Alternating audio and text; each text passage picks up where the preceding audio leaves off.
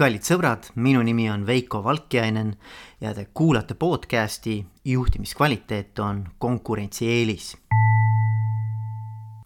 tänane episood on inspireeritud äh, coaching ust, inspireeritud minu coaching'u praktikast ja nendest teemadest, äh, mis siis seal ikka ja jälle äh, üles kerkivad.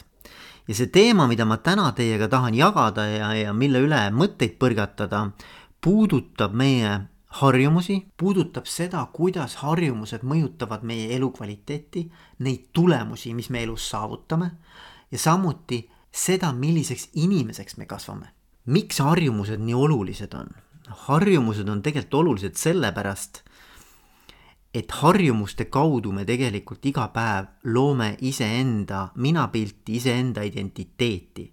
see, mismoodi me käitume ja mis on meie käitumismustrid see tegelikult määrab suures plaanis ära ka, et kes me inimestena oleme ja mismoodi meie elu välja näeb ja milliseid tulemusi me saavutame. nii et selles mõttes nagu harjumuste kõigepealt selline kaardistamine ja teiselt poolt ka siis äh, nende harjumuste teadlik nii-öelda muutmine või teadlik nii-öelda kavandamine, planeerimine ja juurutamine on selles mõttes üliolulised aspektid meie elu kvaliteedi mõttes selleks, et hakata edukalt harjumuste teemaga tegelema, oleks vaja kõigepealt enda jaoks äh, lahti mõtestada, et mis on need valdkonnad minu elus, kus ma ei ole tegelikult tulemustega rahul. see on väga hea indikatsioon näitamaks, et vot selles valdkonnas ei ole minu senised harjumused, minu senised käitumismustrid ei ole olnud sellised, mis toetaksid soovitud tulemuste saavutamist. ja, ja kõige parem harjutus, mida ma ka oma coaching us äh, tihtipeale kasutan, ähm, on siis äh, eluratta joonistamine. eluratta harjutus on muutuste tegemise aluseks, sest et ta aitab sul vaadata otsa oma praegusele elule ja küsida enda käest, et kas ma päriselt olen ka rahul oma praeguse eluga ja seda erinevates eluvaldkondades. Traditsiooniliselt koosneb eluratas kaheksast erinevast valdkonnast. ehk siis me peame küsima enda käest, kus me praegu oleme ja mõtisklema selle üle, kuhu tahame jõuda tulevikus nende kaheksa erineva eluvaldkonna osas. igalühel võib muidugi nendes valdkondades olla ka mingeid muutusi lähtuvalt siis äh, oma elu eripäradest aga põhimõtteliselt on need kaheksa valdkonda järgmised. esimene valdkond loomulikult tervis, eks ole. Tervise teema hõlmab endas nii füüsilist kui ka vaimset tervist. ehk tuleks siis hinnata erinevate küsimuste najal, et kus ma täna selles valdkonnas paiknen. ja mõned näidisküsimused on järgmised. kas ma hoolitsen oma keha ja vaimu eest? et kas ma pööran sellele üldse piisavalt tähelepanu? kas ma austan ja usaldan oma keha? kas olen oma kehaga rahul? kas üldse meeldib oma keha, eks ju? Kas tunnen end energiliselt või veeretan väsinult päevad õhtusse? kuidas sinuga on? kas sa pigem nagu tõused hommikul ülesse ja oled väsinud, uni on olnud kehva ja hommikul oled pigem mitte välja puhanud, eks ju või vastupidi, äh, tunned ennast suurepäraselt ja lähed igale päevale vastu suure ootusärevusega, et mida kõike ma saan täna ära teha. Kas tunned end valdavalt lõdvestunult või oled pigem stressi ja pingeseisundis? jälle hea küsimus, et kui suur on sinu tegelik selline pidev ärevusseisund, eks ju. kas su keha annab ebamugavustunde või valudega märku sellest, et tegelikult ei ole asjad hästi, eks ju et kõik need on sellised näidisküsimused, mille järgi sa saaksid hinnata, et kus sa tervisevaldkonnas täna paikned. ja see skaala, millele ma palun, et sa annaksid hinde tervisevaldkonnale, on siis ühest kümneni. kümme on see, et ma olen väga rahul, mul on kõik väga hästi, üks on see, kus ma tegelikult tunnen, et asjad võiksid olla äh, oluliselt paremad ja, ja loomulikult võivad hinnangud jääda sinna siis ühe ja kümne vahele vastavalt sellele, et kuidas kuidas sinu tänane tervisevaldkond välja näeb. lisaks tervisevaldkonnale on siis elurattas veel äh, seitse valdkonda, üks nendest on sotsiaalne valdkond, kuhu alla kuuluvad siis suhted. Ja suhted siis erinevate äh, ringkondadega, on see siis need lähisuhted, eks ole, romantilised suhted, on need peresuhted, on need suhted sõpradega, kolleegidega, kõik suhted käivad siia alla, eks ole. Et see küsimus, mida siin all siis küsida on, et kui head on minu suhted või kui kvaliteetsed on minu suhted erinevate inimestega, kellega ma siis äh, kokku puutun ja läbi käin nüüd lisaks tervise teemale ja suhete teemale on nende kaheksa eluratta valdkonna hulgas ka teema, ähm, mis puudutab tööd, äh, tööd ja meie karjääri, äh, meie elukutset, meie missiooni siin elus, eks ju. Ehk et tuleks enda käest küsida, et äh, kui ma nüüd veedan oma parimad tunnid ja seda me ju teeme, eks ju, enamus meist veedab vähemalt kolmandiku päevast töötades siis küsimus on, et äh, kas see on see töö ja see valdkond, äh, mis mulle on väga südamelähedane, mis aitab mul oma potentsiaali rakendada ja arendada. ja luua siia maailma seda väärtust, mis äh, minu väärtusmaailmaga hästi kokku haakub. Siin all võiks enda käest küsida, et kas see töö, mida ma teen iga päev, kas see pakub head eneseteostusvõimalust, kas sa saad tööd tehes oma andeid maksimaalselt rakendada, oma potentsiaali rakendada. kõik need on need küsimused, mis tegelikult aitavad siis hinnata jällegi ühest kümneni, et kus ma selles valdkonnas täna paiknen.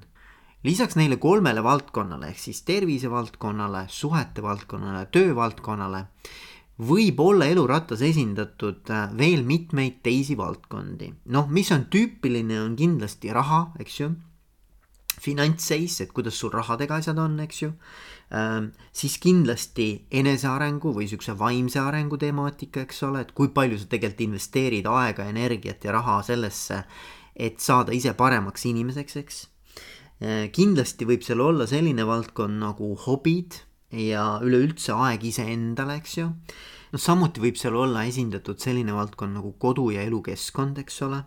et kuidas ma tegelikult tunnen oma kodus ennast, kas mu kodu on tegelikult selline, nagu ma soovin eh, ja kas see elukeskkond on selline, nagu ma soovin, eks ju. kõikide nende teemade puhul tuleks siis samamoodi anda hinnang eh, skaalal ühest kümneni, et kui rahul ma täna ühe või teise valdkonnaga oma elus olen ja loomulikult võib olla, nagu ma juba ütlesin varem ka, võib olla nii, et äh, iga inimese jaoks on veel mingeid valdkondi, mis tema jaoks tema elus kõige olulisemad on.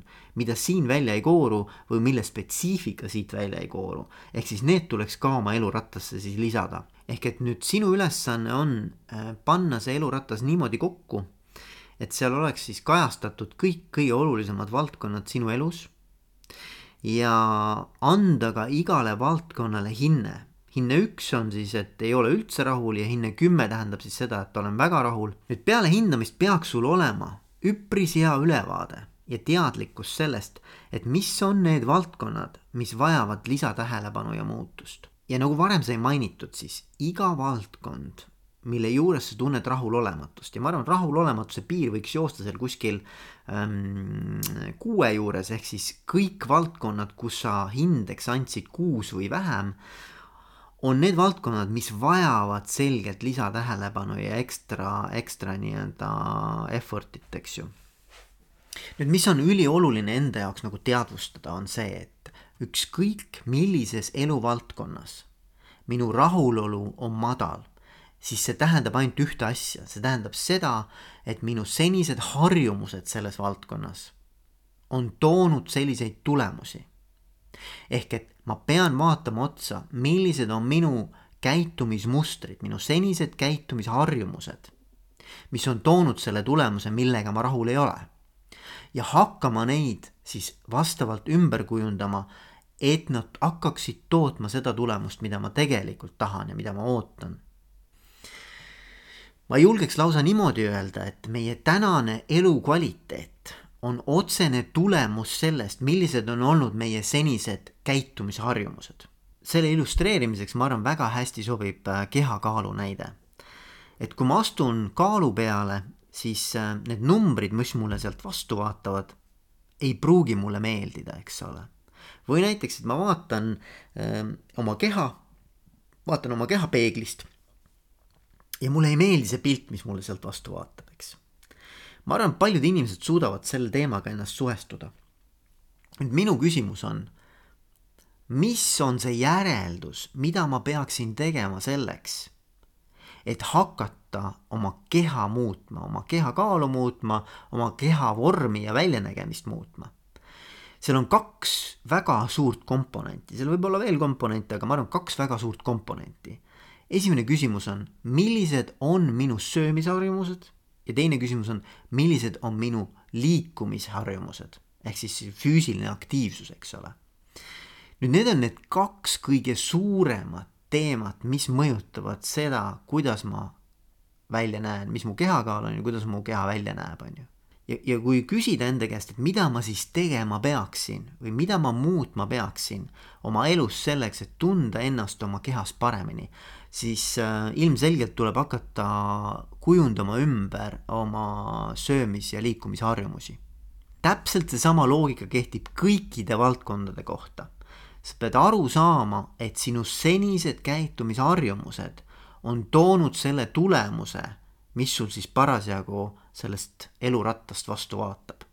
ja kui sa ei ole sellega rahul, kui see jääb alla kuue eh, punktisummalt, eks ole, jääb alla kuue, siis tuleb enda käest küsida, et okei okay,, mis on need üks, kaks, maksimum kolm asja mida ma selles konkreetses valdkonnas saaksin hoopis teiste harjumustena juurutada või millistest harjumustest loobuda. Ja, ja, ja mulle meeldib isegi seda mõelda nagu sügavamal tasandil, mõelda seda oma identiteedi tasandil, et äh, minu senised käitumismustrid, minu harjumuspärased käitumismallid, mida ma siis iga päev kas siis rohkem või vähem automaatselt äh, käivitan ja, ja järgin, eks ju, loovad minu minapilti, loovad minu identiteedi, loovad seda, kes ma tegelikult olen. ja üks viis, kuidas saada selliseks inimeseks, kelleks ma tegelikult soovin saada, on see siis välimuselt, äh, füüsise mõttes, on see siis vaimselt, oma nii-öelda vaimujõu mõttes, on ju, ähm, siis ma pean hakkama muutma oma harjumusi ma pean vaatama üle oma senise harjumuste profiili ja küsima enda käest, et millised harjumused, millised käitumismallid toetavad seda minu soovitud identiteedi saavutamist ja millised tegelikult pärsivad.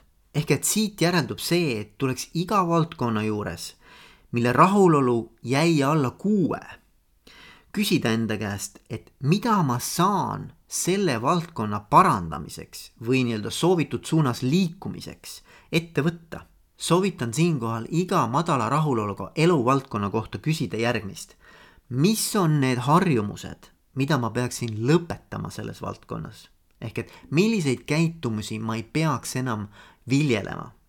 teine küsimus, milliseid käitumusi ma peaksin juurde kujundama, juurutama ja siis, millised on need käitumised, mida ma peaksin veelgi rohkem tegema, mida ma teen täna, aga ma võiksin veel rohkem teha. ja kui sul endal ei ole häid mõtteid või ei ole selget arusaama, et mis võiksid olla need äh, muutust vajavad harjumuspärased senised käitumismustrid, siis äh, on väga heaks peegliks meile kõigile meie lähedased küsida enda lähedaste käest, on need siis äh, pereliikmed või on need äh, sõbrad või on need äh, head tiimikaaslased. küsida nende käest, et, et ma tahan saada vaat selles ja selles valdkonnas paremaks, ma tahan muuta oma elu, on ju. et mis on sinu üks soovitus, mida ma võiksin teha teistmoodi ja ma arvan, et sa saad päris hea pildi, et need on need inimesed, kes sind igapäevaselt näevad Need on inimesed, kes oskavad sulle väga head tagasisidet anda, võib-olla ongi seal asju, mida sa ise ei ole üldse tähele pannud, mida sa ei ole teadvustanud, igal juhul on see väga hea viis saada tagasisidet inimestelt, kes sind igapäevaselt oskavad kõrvalt vaadata. reeglina muidugi, eks me ikka teame, mis on need asjad, need käitumismustrid, eh, mis meid on siia toonud, kus me täna oleme. ja, ja me teame, mida me muutma peaksime selleks, et liikuda selle inimese suunas kelleks me tahame saada. ja nüüd me jõuamegi kõige olulisema ja keerulisema punktini sellel teekonnal. et kuidas hakata siis keerama oma harjumusi selles suunas, kuhu me tahame liikuda. ja ma tooksin siinkohal välja mõned uute harjumuste juurutamist toetavad aspektid. ütleme niimoodi, utreerides, et sinu soov on muuta oma söömis- ja liikumisharjumusi sada kaheksakümmend kraadi siis minu soovitus on iga päev võtta ette muutus, mis vastaks ühele kraadile kogu sellest muutuse soovist. ehk et üliväikesed sammud. loogika siin taga on, on hästi lihtne, et kui me saame ühe protsendi võrra paremateks iga päev selles, mida me tahame muuta oma elus. iga päev üks protsent liigume rohkem, iga päev üks protsent sööme paremini. siis aasta lõpuks võtame kogu aasta kokku, eks ole, siis aasta lõpuks oled sa kolmkümmend seitse korda parem selles valdkonnas, kui sa olid siis, kui sa alustasid. et see on meeletu, meeletu nagu muutus.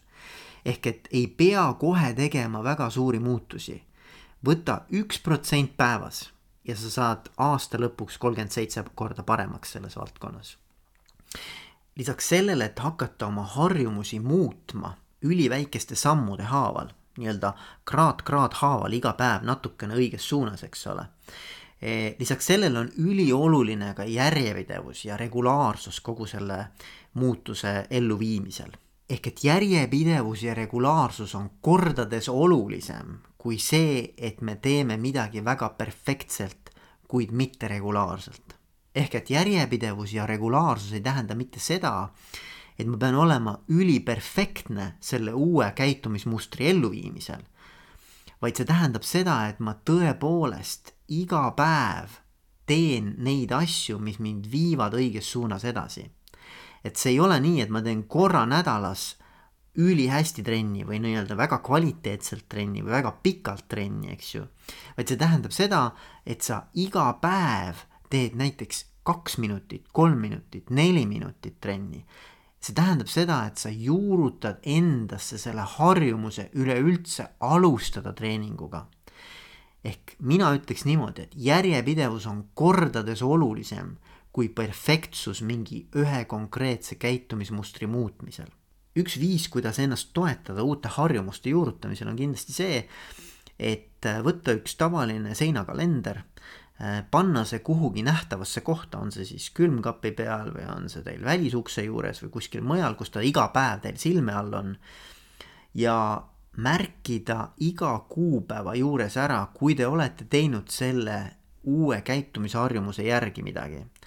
ja reegel on see, et mitte ükski päev ei tohi jääda tühjaks, et te peate kõik päevad saama ristikesega ära märgitud et sul on endal paha vaadata seda kalendrit ja see tuletab sulle alati meelde, et ka täna pead sa selle uue käitumismustri järgi toimetama. teiselt poolt on see ka motivatsiooniallikaks, sest et kui sa näed, et sa oled iga päev selle uue käitumismustri järgi toimetanud, siis see annab ka teatud rahulolutunde või teatud sellise progressitunde. ehk et see on selline hea meeldetuletus, et äh, ka täna on sul vaja selle nimel midagi teha, et muutuda selliseks inimeseks, nagu sa soovid. nüüd vaatamata sellele, et me juurutame uut harjumust väikeste sammude näol, teeme seda regulaarselt ja järjepidevalt ning meil on ka pandud visuaalne meeldetuletus kalendri näol kuhugi nähtavasse kohta, et äh, uut harjumust ikkagi praktiseerida, kipume me aeg-ajalt ikkagi äh, palli maha kukutama ehk et meil on inimestena ikkagi aeg-ajalt äh, võimekus iseennast saboteerida ja, ja see pall ikkagi maha kukutada ja mitte minna seda teed pidi, mis äh, võib-olla tundub äh, vaimusilmas kõige õigem, aga, aga praktikas alati ei, ei kipu nii minema, eks ju küsimus on, et kuidas siis ennast toetada, kui sa tunned, et sa oled nagu teelahkmel, eks ju, et mingis mõttes nii-öelda kisub tagasi sinna mugavustsooni, kisub tagasi sinna vanasse rütmi, vanasse käitumismustrisse. ja, ja teiselt poolt tean ise kuskil ratsionaalselt, tegelikult ju mõttes ma tean, eks ole, et ma peaksin minema seda, seda, seda teist teed pidi. et, et mismoodi siis iseennast selles kohas äh, toetada. üks viis, kuidas selles olukorras ennast toetada on võtta appi kümme, kümme, kümme reegel. ja mida see ütleb? see ütleb seda, et äh, küsi enda käest, et mis juhtuks sinu eluga siis, kui sa läheksid vana rada pidi edasi kümme päeva, kümme kuud või kümme aastat. küsi enda käest, et kui sa iga päev oled sellesama teelahkme peal ja, ja jätkad nii-öelda valikut selles vanas mugavustsooni rütmis milline sinu elu ja sina ise välja näed kümne päeva, kümne kuu ja kümne aasta pärast. Versus kui sa vaataksid, et kui sa nüüd lähed ja, ja valid selle äh, uue harjumuse, uue käitumismustri, milline siis sinu elu ja sina välja näeksid kümne päeva, kümne kuu ja kümne aasta pärast. tõepoolest, võib-olla kümne päeva pärast seda muutust noh, võib-olla ei märka, eks ole, ei ole nii suurt muutust. Kümne kuu pärast ma usun, et tegelikult see muutus on juba märkimisväärne. ja kümne aasta pärast on see ikkagi radikaalselt äh, muutunud. nii et äh, minu soovitus on, et kui te tahate jõudu taha saada, et minna ikkagi seda nii-öelda enda poolt valitud teed pidi, seda uut teed pidi, äh, siis äh, tehke endale puust ja punaseks see, see, see erinevus ette, et milline on see minu vana mina, kui ma lähen seda vana teed pidi, milline see vana mina on, versus kui ma valin minna ikkagi iga päev natukenegi sinna uue mina poole, et milline siis see uus mina äh, nagu välja näeb Äh, ja siis teil on, ma arvan, oluliselt lihtsam teha seda õiget valikut. mis on veel mõned asjad, mis siis äh, uute käitumismustrite ja harjumuste juurutamisel silmas pidada? no üks asi kindlasti, millele tuleb äh, tähelepanu pöörata, on, et kes on need inimesed, kes sinu ümber on. ja mis on nende hoiakud, suhtumised, väärtused ja, ja käitumismustrid ning kuidas see mõjutab kõik mind no ilmselgelt me muutume kas teadlikult või, või vähem teadlikult muutume sarnaseks nende inimestega, kellega me kõige rohkem aega koos veedame. nii et tasub vaadata ümberringi ja küsida enda käest, et kas need inimesed, kellega ma täna oma elu jagan, eks ole, väga suurt osa oma elust jagan, kas need inimesed äh, muudavad mind selliseks inimeseks, nagu ma ise tahan ka muutuda Eh, või on nad pigem nagu selliseks takistavaks jõuks, eks ole, kas need inimesed tegelikult nagu toetavad mind nende uute käitumisharjumuste juurutamisel või pigem äh, pärsivad mind selles. et mulle mingil tasandil väga meeldib see ütlus, et näita mulle, kes on su sõbrad ja ma ütlen, kes oled sina. või, või teistmoodi öeldes, et, et me oleme keskmine meie viiest kõige lähedasemast inimesest ja ma arvan, et see peab paika, et selles on oma iva olemas ja tasub väga tähelepanelikult äh, valida neid inimesi, kellega koos te enamus oma ajast veedate. lisaks sellisele sotsiaalsele aspektile, kus siis vaadata, et kes need on need inimesed, eks ju, kes minu ümber on ja kuidas nemad mind mõjutavad kindlasti tasuks äh, vaadata ka oma keskkonnale, füüsilisele keskkonnale peale, et, et kus sa elad ja mismoodi seal Äh, asjad on pandud niimoodi, et kas nad siis toetavad su uue harjumuse juurdumist või, või pigem mitte, eks. et noh, ülilihtne näide on, et kui ma tahan vähendada magusa söömist, äh, siis ilmselgelt äh, ma ei, ma ei pane komme kuhugi laua peale, eks ole, et kas ma neid üldse ostan, see on teine küsimus, on ju, aga kui nad mul on juba olemas et siis pane nad kuhugi kappi ära, ära pane oma silma alla, et noh, et, et äh, siis on suurem tõenäosus, et sa ei, ei pane neid ka suhu, eks. või teine variant, eks noh, näide, et ähm, et kui sa tahad hommikuti käia kas jalutamas või, või kergel sörgil, eks, et pane oma trenni asjad või, või tossud või siis äh, dressid äh, kohe voodi ette, nii et sul ei ole võimalik hommikul tõusta ilma et sa neid näed ja, ja ei saa nendest muud moodi mööda minna, kui et äh, sa lihtsalt äh, paned nad selga. ehk et kõikide nende pisikeste muutuste point on selles, et see keskkond, kus sa toimetad, oleks samamoodi kujundatud niimoodi, et sellel uuel harjumusel oleks lihtne juurduda eks neid erinevaid nippe ja häkke, kuidas toetada iseennast uute harjumuste juurutamisel on, on tegelikult ju palju ja sõltub loomulikult ka konkreetsest inimesest, eks, mis talle sobib ja mis talle ei sobi. aga ma arvan, et äh, sellest tänasest sellisest äh, mõttejadast, kui siit võtta kaasa see mõte, et äh, et kui te tahate päriselt ka oma elu muuta, siis selleks ei ole vaja mingisugust väga suurt nii-öelda radikaalset revolutsiooni vaid äh, tuleb alustada väikselt, tuleb alustada teadlikult pisikeste sammude tegemisest. olla selles järjepidev ja regulaarne, võtta appi selleks äh, sõbrad, tuttavad, pere ja need inimesed, kes juba täna käituvad nii, nagu teie tahate hakata käituma või rohkem käituma. ja, ja kindlasti vaadata üle, et äh, milline on see minu keskkond ja kuidas see mind toetab või ei toeta siis sellel teel. Nii et ei midagi üleliia keerukat, kuid vajab kindlasti pealehakkamist ja ka pühendumist. ja kui kellelgi tekkis soov enda ellu kutsuda kedagi, kellega koos seda teha, kes võiks olla talle toeks sellel teel, siis ma hea meelega pakun iseennast äh, coach'ina välja ja võtke minuga ühendust ning leiame ühise koostöövõimaluse. ma tänan teid kõiki kuulamast ja soovin teile ilusat päikselist kevadet. kõike, kõike head